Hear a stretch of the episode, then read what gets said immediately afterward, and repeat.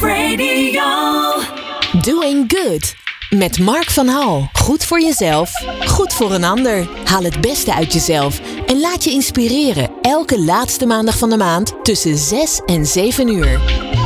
Een hele goede avond. In deze 16e aflevering, de eerste van 2022, ontmoet ik vandaag Jules Martin en Alet Klarenbeek. Jules schreef onder meer het eh, boek Maak Ruimte, bedoeld voor leiders die juist anderen willen laten schitteren. En met Alet Klarenbeek praat ik over haar nieuwe boek Ik ben niet eenzaam. Ruimte en tijd maken voor persoonlijke ontwikkeling. Hoe oud je ook bent, waar je ook staat op de ladder van het leven, daar gaat dit programma over. Welkom bij Doing Good.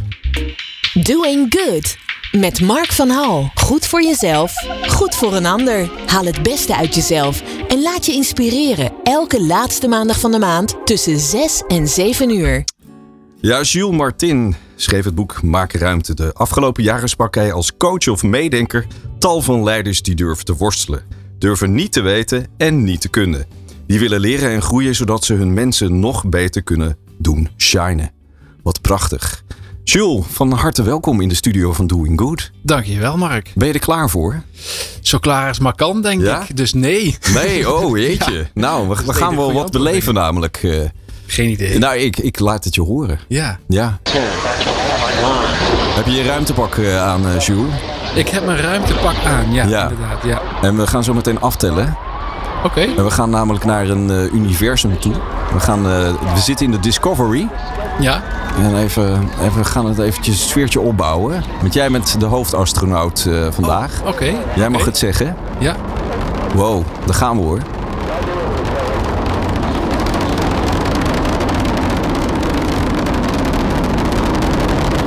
Ja, we zijn de, we zijn de lucht in, Jules, want eh, we gaan ruimte maken voor jou.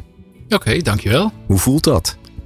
Oh, dat voelt wel leuk. Ja? ja. Ik vind het wel leuk om, eh, om, wat, om wat te delen vandaag, om wat te vertellen. Ja.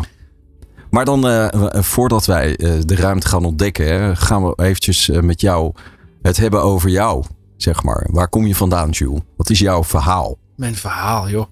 Ehm, ik ben geboren in Frankrijk. Ik ben in Limburg opgegroeid. Ehm, ik, ik hou van leren, ik hou van ontdekken. Dus ik ben ooit begonnen met natuurkunde. Het is leuk die raket die voorbij kwam, eh, eh, het geluid net. Maar eh, dat was een totale mislukking, want dan moest je veel te hard werken.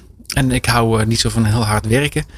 Ehm, dus later ben ik psychologie gaan studeren. En, Je bent lui. nou, niet zozeer lui, maar Ik efficiënt. zeg, ik ga, gooi af en toe gewoon Ja. eventjes... er zit toch een scherm tussen, maar over dat scherm... Ja, nee, niet zozeer lui. Ik hou van veel dingen doen, maar niet altijd herha- herhalende dingen. Hmm, Dat vind ik een beetje saai. Dus Ja. ik hou van, eh, van veel afwisseling, van dingen waar ik van, wat van kan leren. En zeker als ik ook nog iets kan creëren ondertussen, dan, eh, dan word ik helemaal blij. En waarom denk je dat ik jou heb uitgenodigd? Nou, waarom denk ik dat jij mij hebt uitgenodigd? Projecties hadden we het over, toch? Ja, ja, we zijn we het voorbesproken. Ja, inderdaad. Ehm, nou, we kennen elkaar, dus dat scheelt. Ja. Ehm, ehm, misschien vond je mijn boek leuk. Maak ruimte, laat je mensen shine. Dat je dacht, nou, daar moeten meer mensen over horen, jouw luisteraars. Daarom? Ja? Ja? Oké. Oké, dat, dat zou kunnen. Maar waar, waarom nog meer? Waarom nog meer? Ik heb geen idee. Nee. Verras me. Ja. Ja. Maar het is wel een leuk eh, thema, is maken ruimte. En we hebben ook in de intro hebben gezegd dat eh, ruimte maken voor dingen die je ook niet weet. hè, en die je ook niet kunt als, als leider vooral. Hè. Dat, eh, dat is een, rode draad van het boek eh, Maak ruimte. Ja. En ehm, nu geef je eigenlijk ook aan van je weet niet helemaal waar, we- waar we het gesprek over gaan hebben, waar we naartoe gaan. Ja. En dat, dat hebben heel veel leiders ook in een organisatie. Hè? Dat ze misschien vanuit hun positie misschien wel weten van... oh, ik moet dit doen, hè? dit is mijn rol. Maar eh, ik weet niet precies hoe je het niet kan. En hoe je uiteindelijk eh, dingen die, waar je mee worstelt... dat, dat weet je waarschijnlijk eh, door alle gesprekken die je hebt gehad ook... eh, weet jij iets meer vanaf inmiddels. Hè?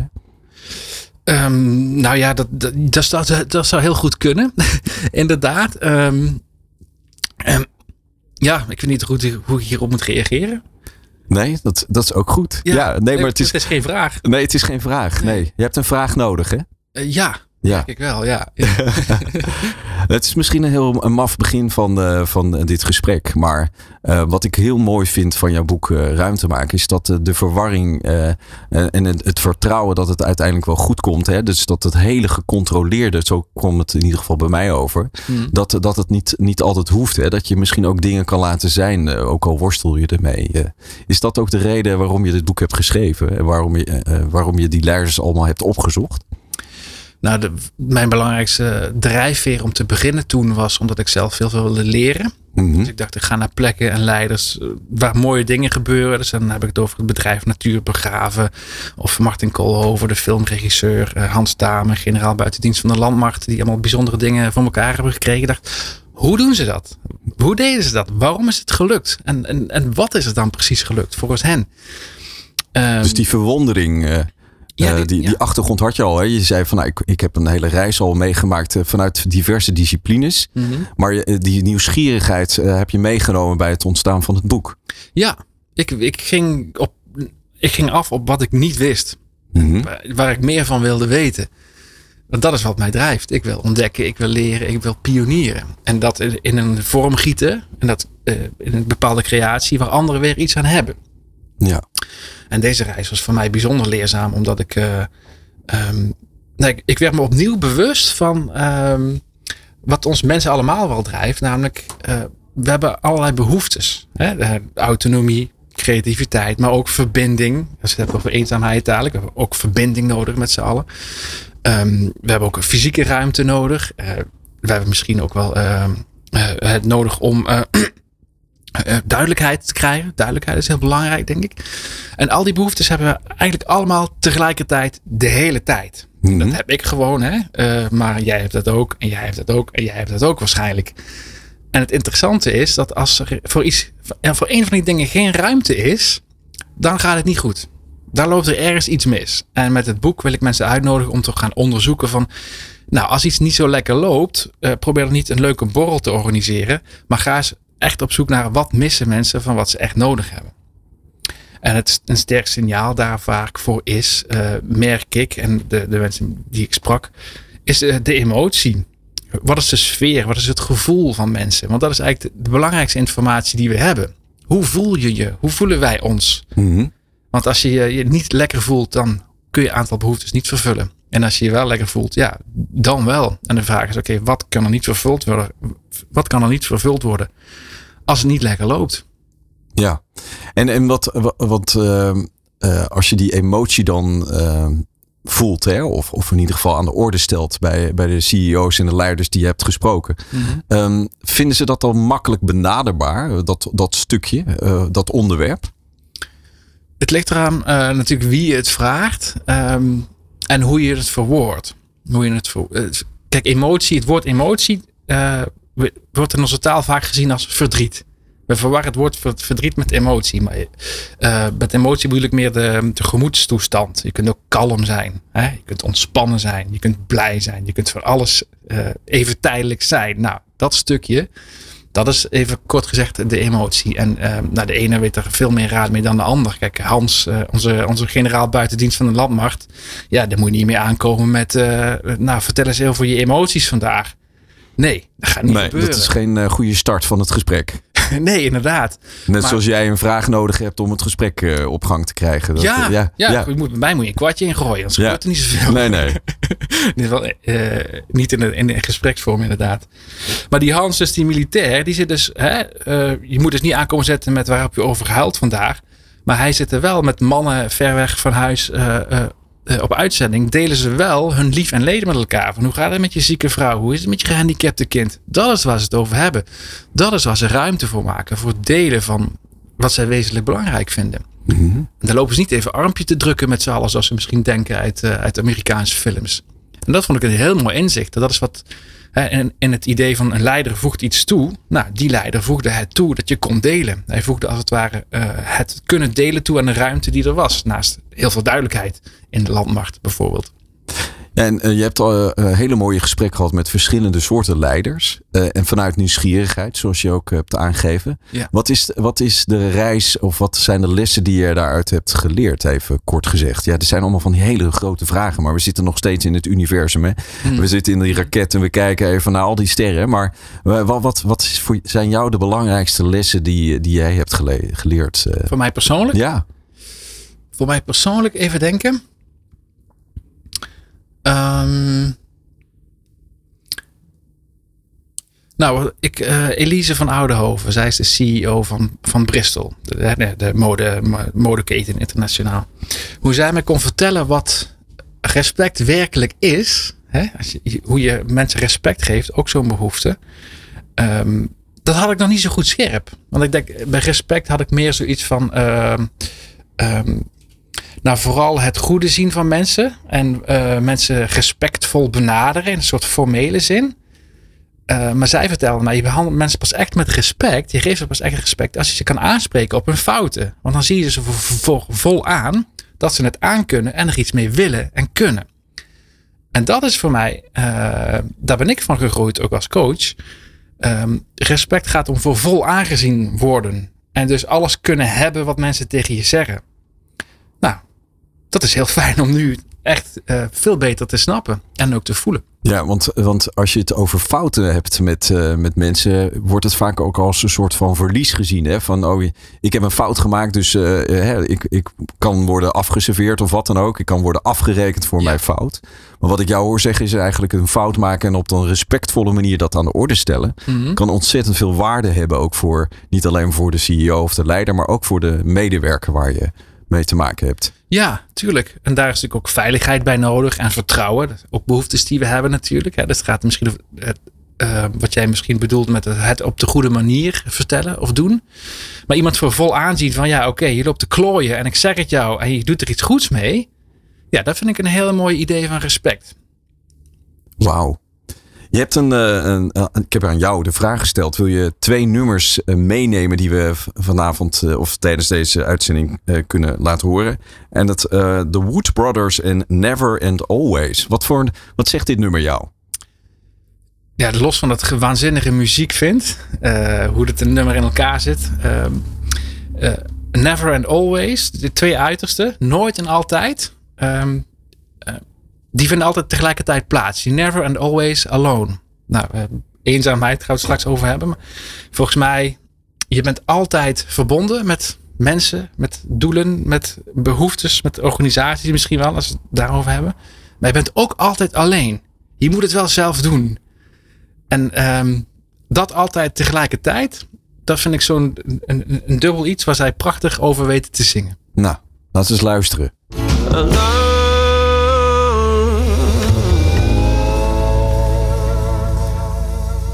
Never and Always Alone van de Wood Brothers. Nou, een prachtig nummer. Uh, ook over een onderwerp wat we straks uh, aan de orde gaan stellen. Met Alet Klarenbeek. Maar uh, nu al ook even in dit gesprek met Jules Martin.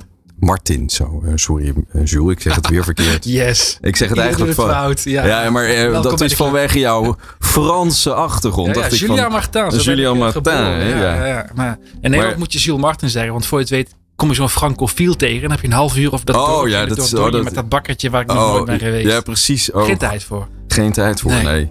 Geen ruimte Eh, voor. Ehm, als je, eh, je- ik vroeg jou van eh, waarom eh, denk je dat ik jou heb uitgenodigd voor deze uitzending? En toen tijdens de muziek gaf jij terug van nou waarom heb je me eigenlijk uitgenodigd? Ja, ik heb geen antwoord gehad. nou nee, Dat was ook een beetje de cliffhanger. Ah, Kijk, wat ik heb gemerkt, ik heb met jou samengewerkt toen ik nog bij het Oranje Fonds werkte. Het Oranje Fonds dat trouwens dit jaar, eigenlijk 2 februari, 20 jaar bestaat. Dus al mijn oud-collega's gefeliciteerd met dit Ja, prachtige ju- jubileum. Maar daar was jij ook eh, regelmatig bij eh, bijeenkomsten. Was je ook iemand die eh, de sessie durft te vragen begeleiden, onder andere. mhm. En je gaf ook een presentatie. En toen ik jou daar op het podium zag en ook bezig zag, dan. En ik kijk ook terug op de cover of de achterkant van jouw boek. Je bent een coach en helpt mensen ontdekken waar ruimte is, waar je ruimte voor zou kunnen maken. Ja. En ook, dat doe je op een hele inspirerende manier. Dank. En ehm, je, hebt, eh, je hebt ook een handboek voor wereldverbeteraars geschreven. Ja. Dus je bent heel erg bezig met hoe deze wereld ervoor staat, maar hoe mensen er ook voor staan in hun leven, Ja. maar ook in bedrijven. Ja. En dat is de reden waarom ik jou heb uitgenodigd.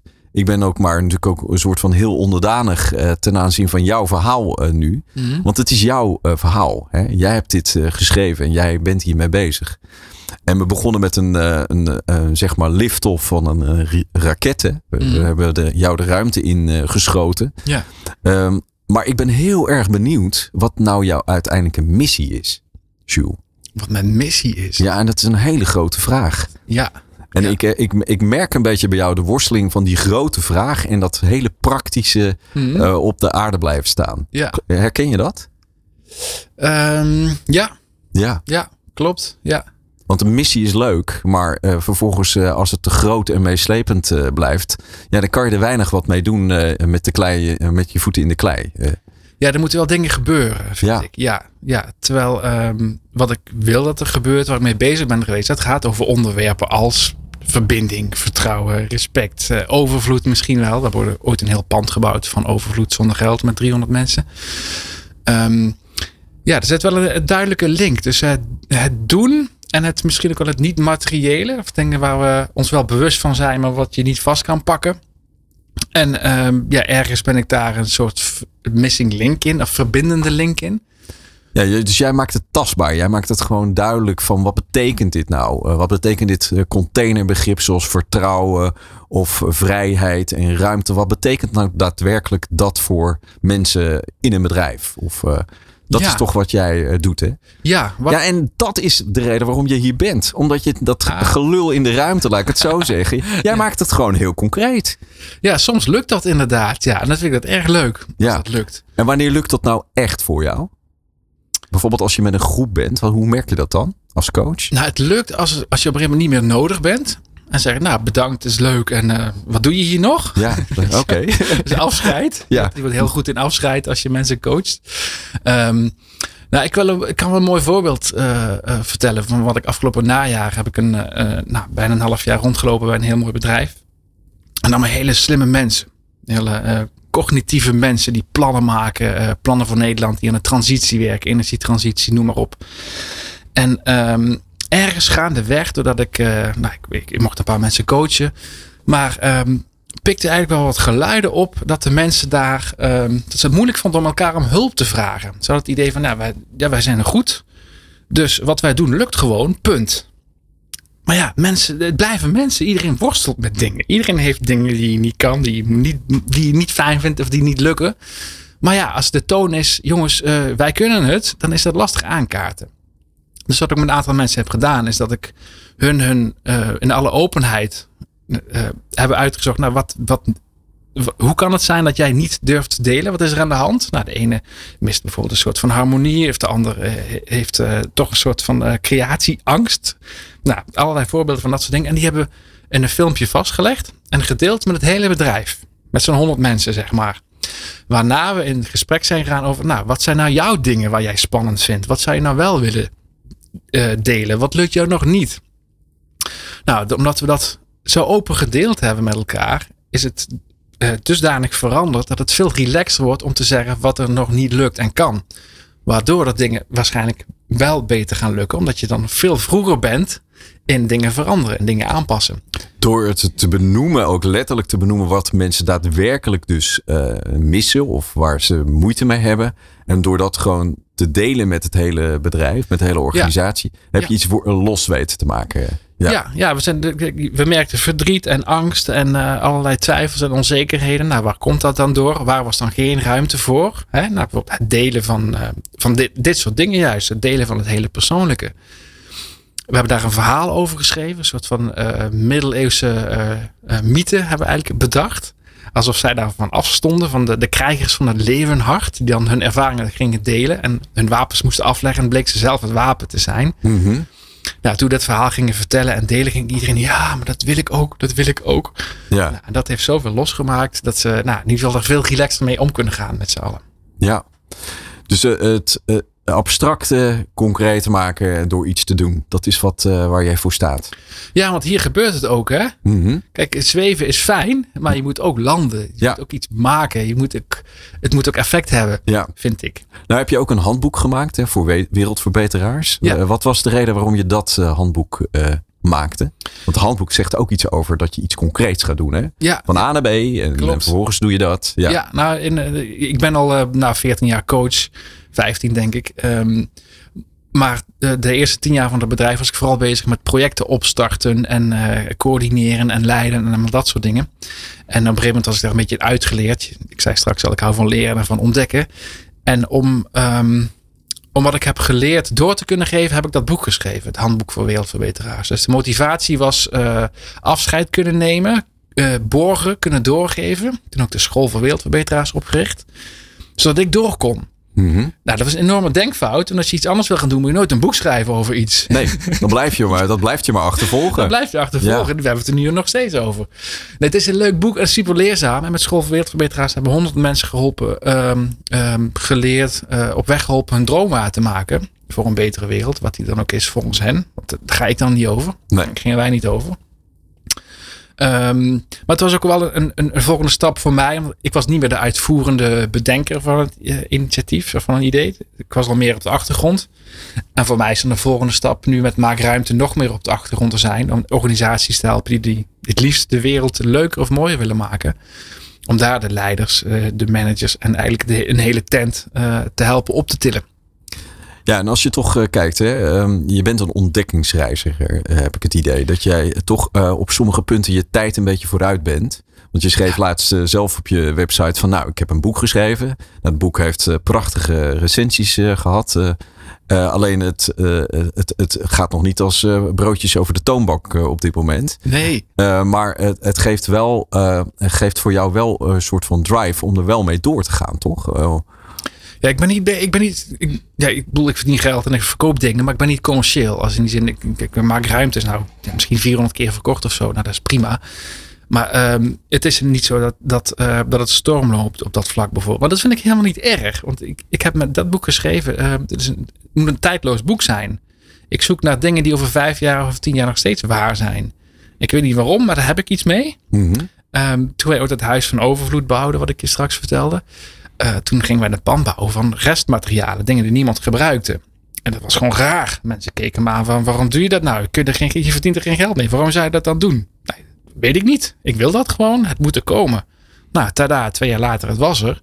En nu, twaalf jaar later, het ministerie van Economische Zaken heeft circulaire economie omarmd. We moeten alle grondstoffen gaan hergebruiken met z'n allen. Ja. Nou, dat komt niet per se door ons, maar daar waren wij toen mee bezig om te kijken hoe dat moest. Ja, dus eh, in feite, eh, Jules, en dat is nog een reden waarom ik heel graag even het licht op jou wil laten schijnen, is dat jij dus bezig bent met onderwerpen ook in organisaties heel concreet te maken. En eh, ook nog verder te kijken dan je neus lang is. Dus de, de, de Ja. tijd in reizen, zeg maar. En, ver- en verder gaan dan waar je nu staat. Dus die nieuwsgierigheid ja, creëren of ruimte geven. Ja, weet je, het, ja, ik voel me geen ziener of zo'n trendwatcher die de toekomst weet of zo, hè? Oh, Eh, nee, had- oh dat was mijn laatste vraag. eh, Ja. eh, oh, shit. Ja, maar Oh, daar ga nou, je al. Shit. Ja. Nou, dan heeft dadelijk een paar minuutjes meer. Fijn voor haar, leuk. Nee, helemaal niet. Het is juist frustrerend soms dat je, dat je iets ziet of iets maakt of doet en, eh, en het even duurt voordat het landt. Of men, weet je wel? Ik ben ook niet bezig van het moet uit de toekomst komen. Het, het, het is meer een gebrek van mezelf dat alles wat er al is, wat ik al gedaan heb, heel saai vind. Mhm. Dus ik moet vooruit en dingen ontdekken voor mezelf. En nou, soms komt er iets uit wat dan over een paar jaar heel nuttig voor heel veel mensen blijkt te zijn. Dat is wel een patroon wat zich herhaalt steeds. En ik heb me daar maar mee moeten zitten verzoenen.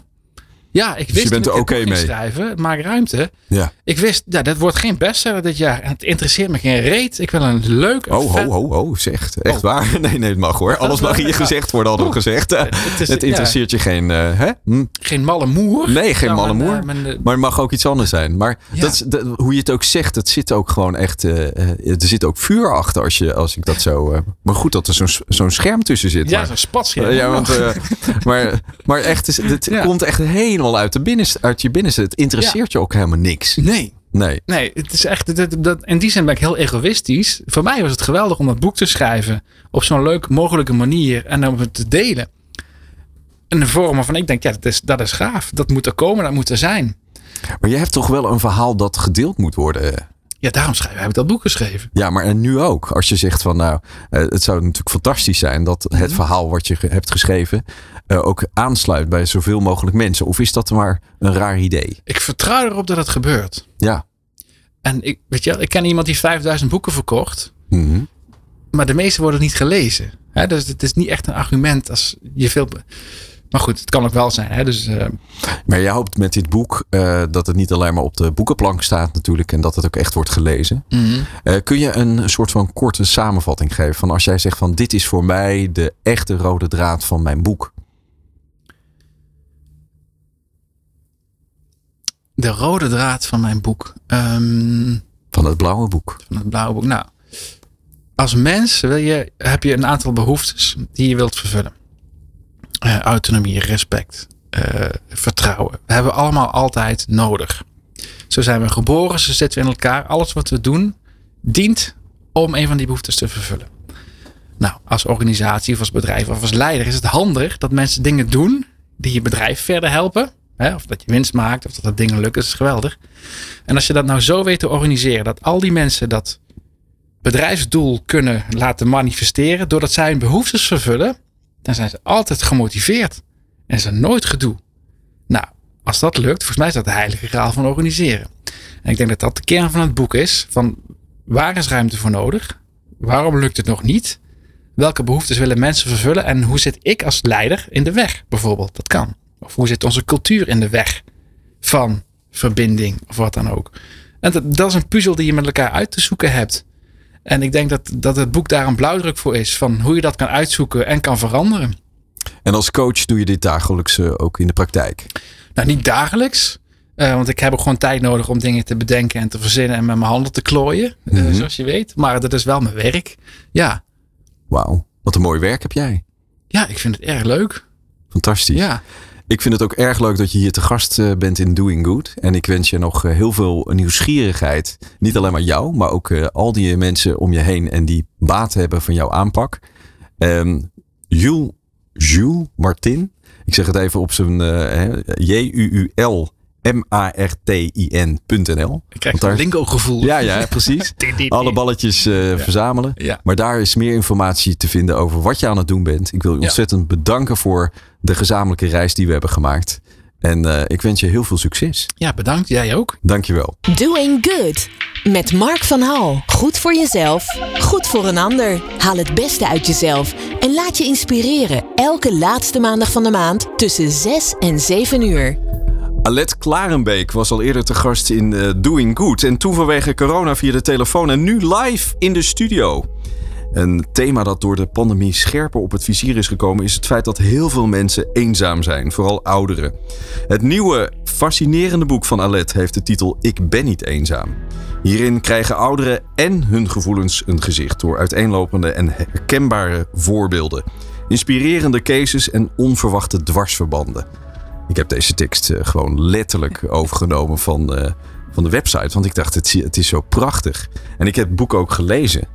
En ik moet je zeggen, Alert, van harte welkom. Dat allereerst. Dankjewel, Fijn dat je hier bent. dank je. Maar ik heb het gelezen en het raakte me echt enorm. En ehm, het raakte mij omdat ehm, als jij schrijft over eenzaamheid en over eh, hoe het probleem eh, zich eh, ja, ontvouwt voor mensen in de, in de werkelijkheid, eh, dat is iets wat iedereen overkomt. Het raakt ook iedereen. Het kan iedereen raken, inderdaad. Want ja, we komen alleen op de wereld en we gaan er alleen weer uit. Hè? Zo tragisch is het leven. Maar ik heb het boek geschreven omdat het mij zo verraste dat eenzaamheid een beleidsthema is. Dus je, het is net alsof mensen het zien als een abstractie. Iets waar je het over kan hebben, terwijl het echt van binnen zit en zeer doet. Het zit, het zit verstopt van binnen, zeg maar. Het doet, doet zeer. Het doet zeer, denk ik. Het ontregelt. Mensen die eenzaam zijn, die voelen zich niet lekker. Die zitten niet echt lekker in hun vel. Dus daar kan je wel iets voor bedenken. Van, en dat gebeurt vaak. Hè. Mensen denken dat eenzaamheid is opgelost door het organiseren van een koffieochtend of iets gezelligs. Maar ga maar bij jezelf na. Als jij je niet lekker voelt, dan, heb je, moet je echt even een hobbel nemen voordat je zin hebt om iets te gaan ondernemen. En daar begint, denk ik, het nadenken over eenzaamheid. Hoe gaat het met de mensen voor wie je iets wil doen?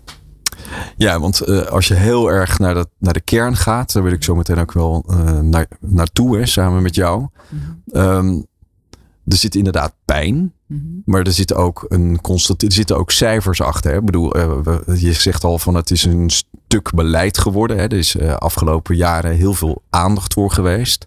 Eén um, tegen eenzaamheid, allerlei initiatieven zijn er. Ik, heb, ik vertelde dat ik bij het Oranje Fonds heb gewerkt. Nou, daar is eenzaamheid ook een heel belangrijk onderwerp. Uh, mm -hmm. Nog steeds natuurlijk een enorm uh, mensen die er buiten gesloten voelen. En, maar het gevoel um, wat mensen hebben, da, da, dat is de kern. Maar om dat gevoel op te lossen, dat is niet zomaar een toverstafje magisch en uh, klaar is. Dat, het gaat niet zo snel. Het gaat niet zo snel. Kost heel veel geld. Omdat het niet zo snel gaat. En wat het ook lastig maakt, is dat de boodschap is dat het oplossing bij jezelf begint. Dus iets is een beleidsthema. We moeten er iets tegen doen, want het doet zeer en we zien heel veel mensen lijden. Maar de boodschap is, lieve eenzame mens, als jij iets tegen je eenzaamheid wil doen, dan moet je zelf in actie komen. En dat is tegelijkertijd vaak hetgene wat je nou net niet kan. Daar zit het onvermogen op daar zit zeker onvermogen. En mensen in zorg en welzijn, mensen bij een gemeente, die hebben maar één stand en dat is helpen. Die willen graag helpen. Maar die moeten misschien wel op hun handen gaan zitten. Willen ze eenzame mensen helpen? En niet zelf in die actiemodus gaan staan. Dit ga ik even fixen. Want dat gaat, niet, dat gaat hem niet worden. Zeker niet op de lange termijn. Dus je wil, of ik wilde met mijn boek uh, de lezer meer meenemen in dit is wat er in het hart en ziel van een eenzaam iemand zou kunnen gebeuren. Want ieder mens is natuurlijk anders.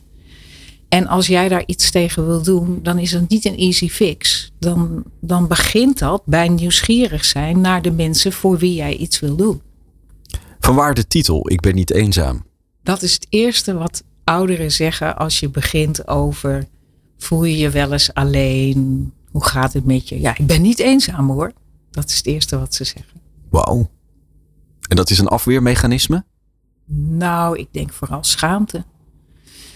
Kijk, als je eenzaam bent, dat is echt. Uh, dan heb je iets niet goed gedaan in onze wereld. Dat, dan, dan ben je niet in staat om vrienden te maken. Of je bent niet interessant genoeg misschien voor de mensen om je heen. Of je bent ja, zo alleenig. Er mankeert iets aan je. Dat zou ook nog kunnen. Er kunnen allerlei redenen zijn. En meestal is er niks aan de hand met eenzame mensen. Maar ja, soms durven ze niet. Maar soms ligt ook het verwachtingsniveau te hoog. In ieder geval missen ze iets wat ze graag zouden willen hebben. Gezelschap, een goed gesprek, eh, een luisterend oor. Sommige mensen zijn ook politiek eenzaam. Dat kan ook. Die voelen zich zo vermorzeld in het systeem. Ik bedoel, kijk naar de Belastingdienst. Toeslagenaffaire, dat gaat ook over eenzame mensen die zijn totaal verlaten.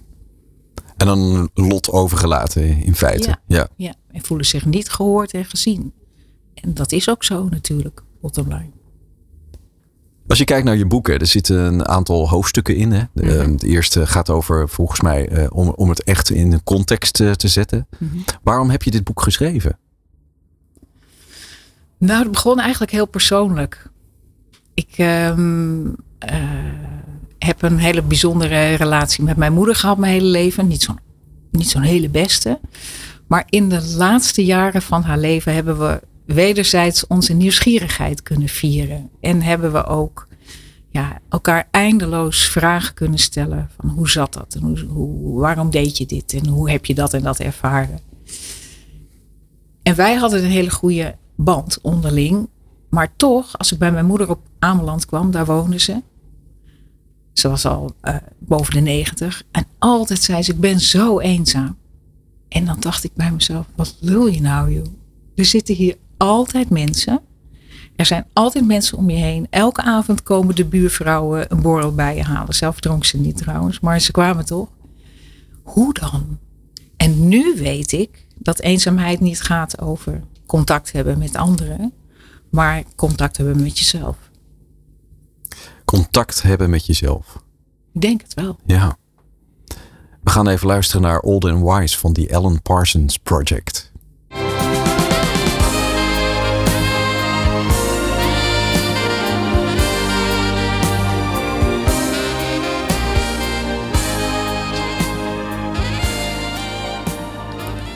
Ik ken een raadsel over eenzaamheid. Het gaat als volgt. Wat doet pijn en telt voor twee? Dit is een uh, citaat van Spinvis op een van de eerste bladzijden van het boek van Alet Klarenbeek.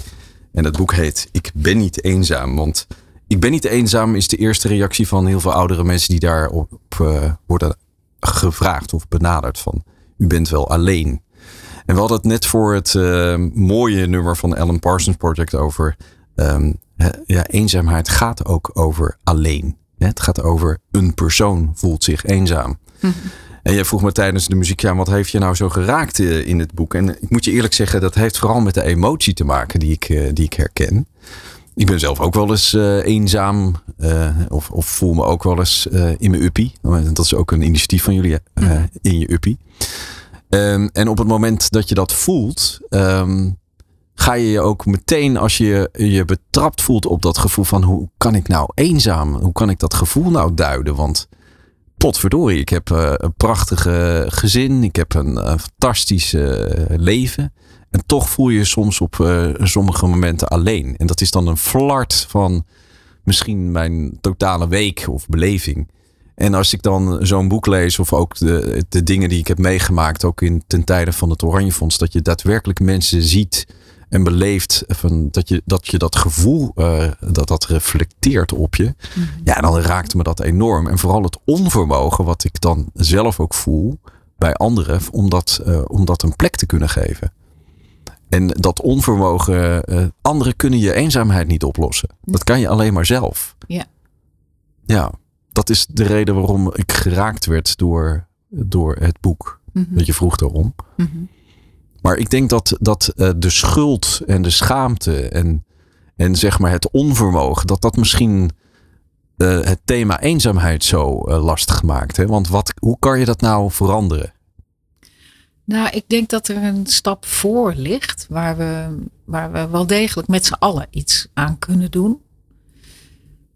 Want ik ben het boek ook een beetje gaan schrijven omdat ik me er zo over verbaasde hoe weinig we van onszelf laten zien als we met andere mensen in gesprek zijn.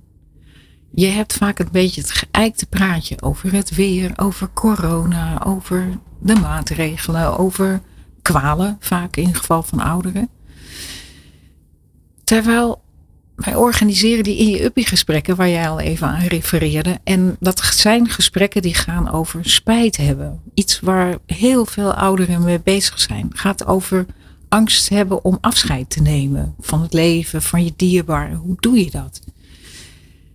En ouderen durven daar niet over te praten. Dus die vinden het ook heel spannend om naar die gesprekken te gaan. Van wie zijn er dan? En het wordt doorverteld wat ik allemaal ga zeggen. Maar het tegendeel is waar. Juist door die intimiteit te delen en door je twijfel te delen, door je onzekerheid te delen, gaan andere mensen dat ook doen. En ik weet bijna wel zeker dat, dat elke luisteraar nu denkt: oh ja, dat had ik toen ook. Dat ene gesprek wat ineens een wending nam, dat je dacht: nu zijn we er. Nu ben ik hier met jou. Er ontstaat energie. Het zijn allemaal van die vage woorden, maar het is wel zo.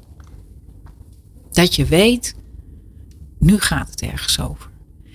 En op het moment dat je dat meer met elkaar gaat doen en dat stapje steeds weer durft te nemen. En een hele simpele leidraad is eigenlijk, zodra je de gedachte krijgt, ga ik dit zeggen of ga ik dit niet zeggen, moet je het gelijk doen.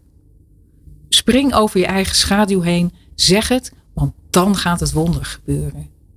Dat is de magie, hè? Uh, dat is moment... de magie van het gesprek. Ja. Ja, en dat voel je. Daar, daar, daar zijn geen woorden voor, dat voel je gewoon. En dat is ook geen kunstje. Het gaat ook niet over gesprekstechniek. Dat gaat over ja, jezelf durven zijn. Met alles erop en eraan. Je mooie kanten, je slechte kanten, je duistere kanten en je formidabele kanten ook. Want Nederlanders zijn zelfs daarover nog heel terughoudend.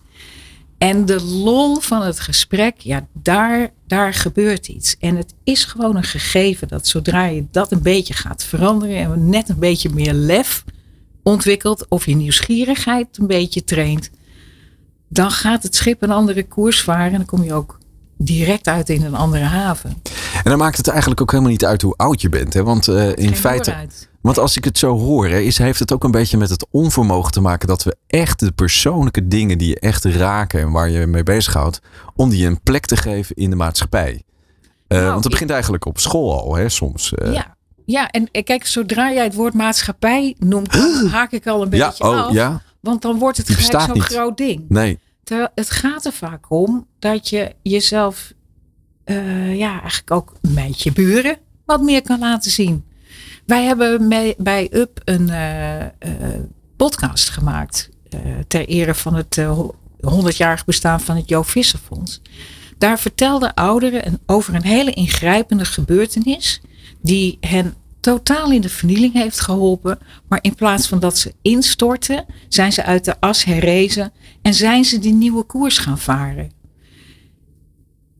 Dat zijn prachtige podcasts. Maar het meest geweldige ervan was dat al die tien ouderen terug zijn gekomen bij ons en zeiden: Wow, sinds die podcast er is, heb ik hele andere gesprekken met mensen met oud-collega's, met de buren, met de mensen bij de bakker.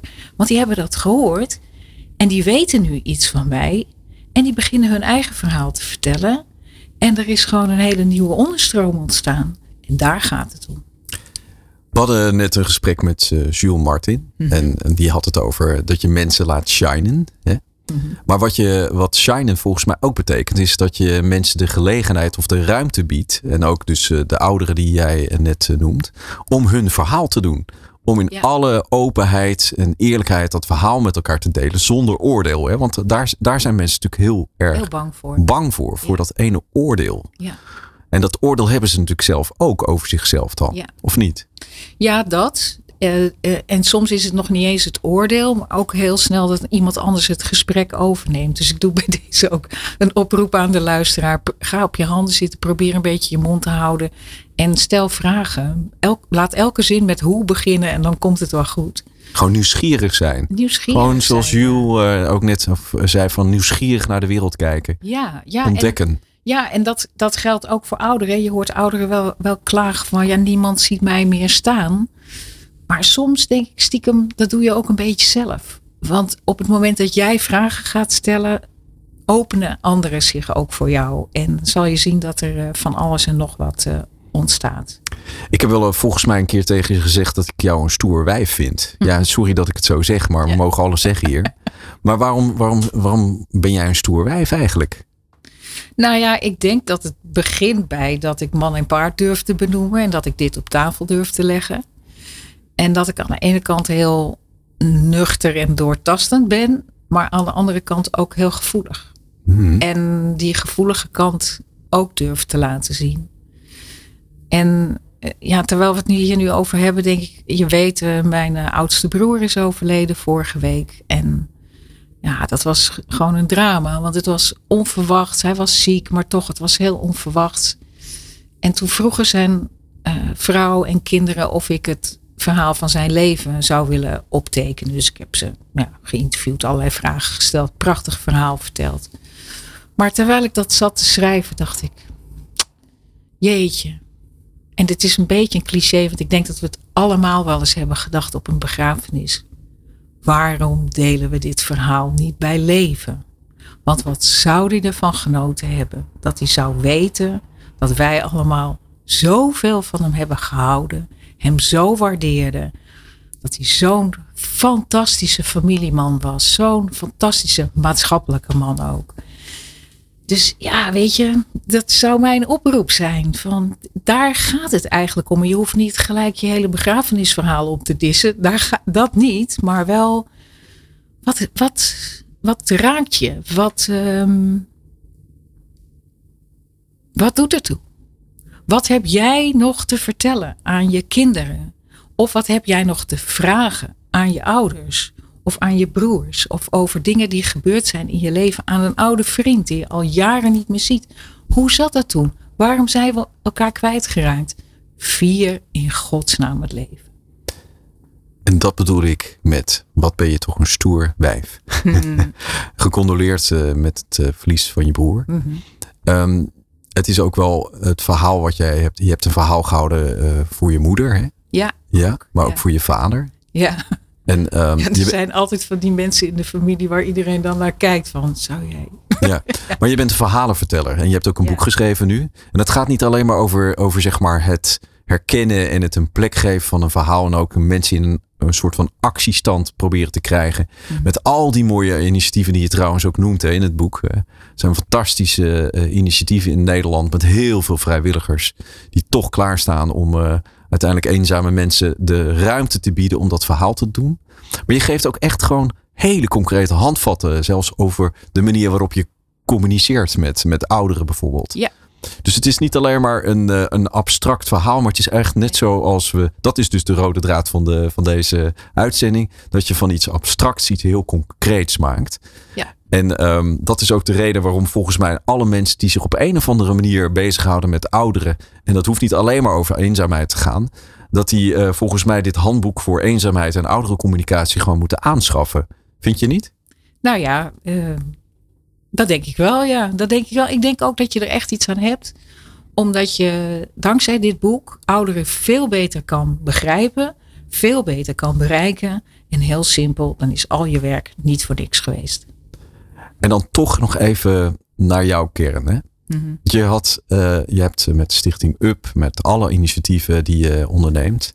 Um, weet jij mensen uh, alert te maken op dit onderwerp? Mm -hmm. um, dat is trouwens wel een leuke alert. Alert te maken op dit onderwerp.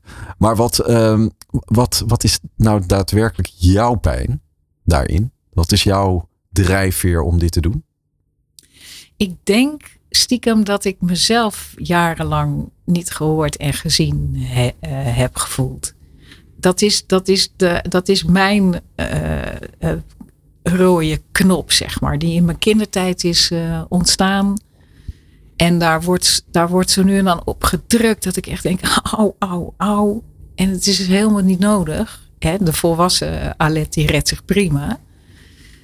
En ja, dat heb ik uh, verwerkt. Dat heb ik achter me kunnen laten. Dat is mijn verhaal niet meer. En uh, ook, uh, denk ik tegelijkertijd, mijn oude moeder, die tussen haar 90ste en 95ste nog een enorme draai maakte van een egocentrische vrouw om wie de wereld draaide naar een nieuwsgierige vrouw die zich ging verdiepen in de wereld om haar heen.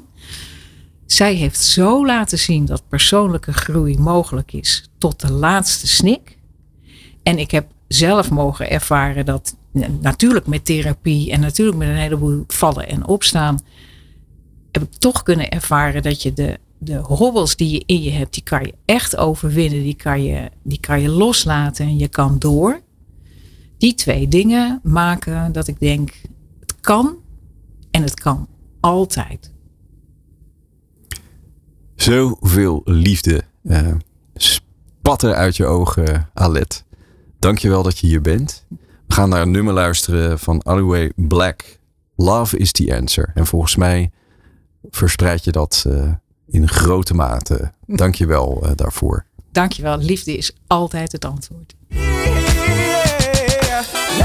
Love is the answer. En uh, terwijl we dit draaien, wordt er gewoon uh, lekker gedanst in de studio. Want het uh, leven is een feest. Vier het leven. Dat is eigenlijk de les die Alet Klarenbeek mij gaf. En ons allemaal gaf. Tijdens het prachtige gesprek wat ik met haar had. En vier het leven, dat is natuurlijk een heel belangrijk uitgangspunt. Maar het gaat vooral over je eigen leven. Het gaat ook over je eigen rol daarin.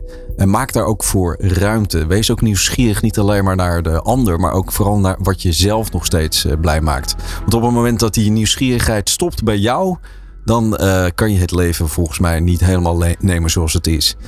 Uh, Alet, heel erg bedankt dat je dit uh, boek uh, geschreven hebt. Ik ben niet eenzaam vanaf vorige week te verkrijgen in de winkel. En Martin heeft, Jules Martin, ik zeg het steeds verkeerd, het is een Fransman van origine.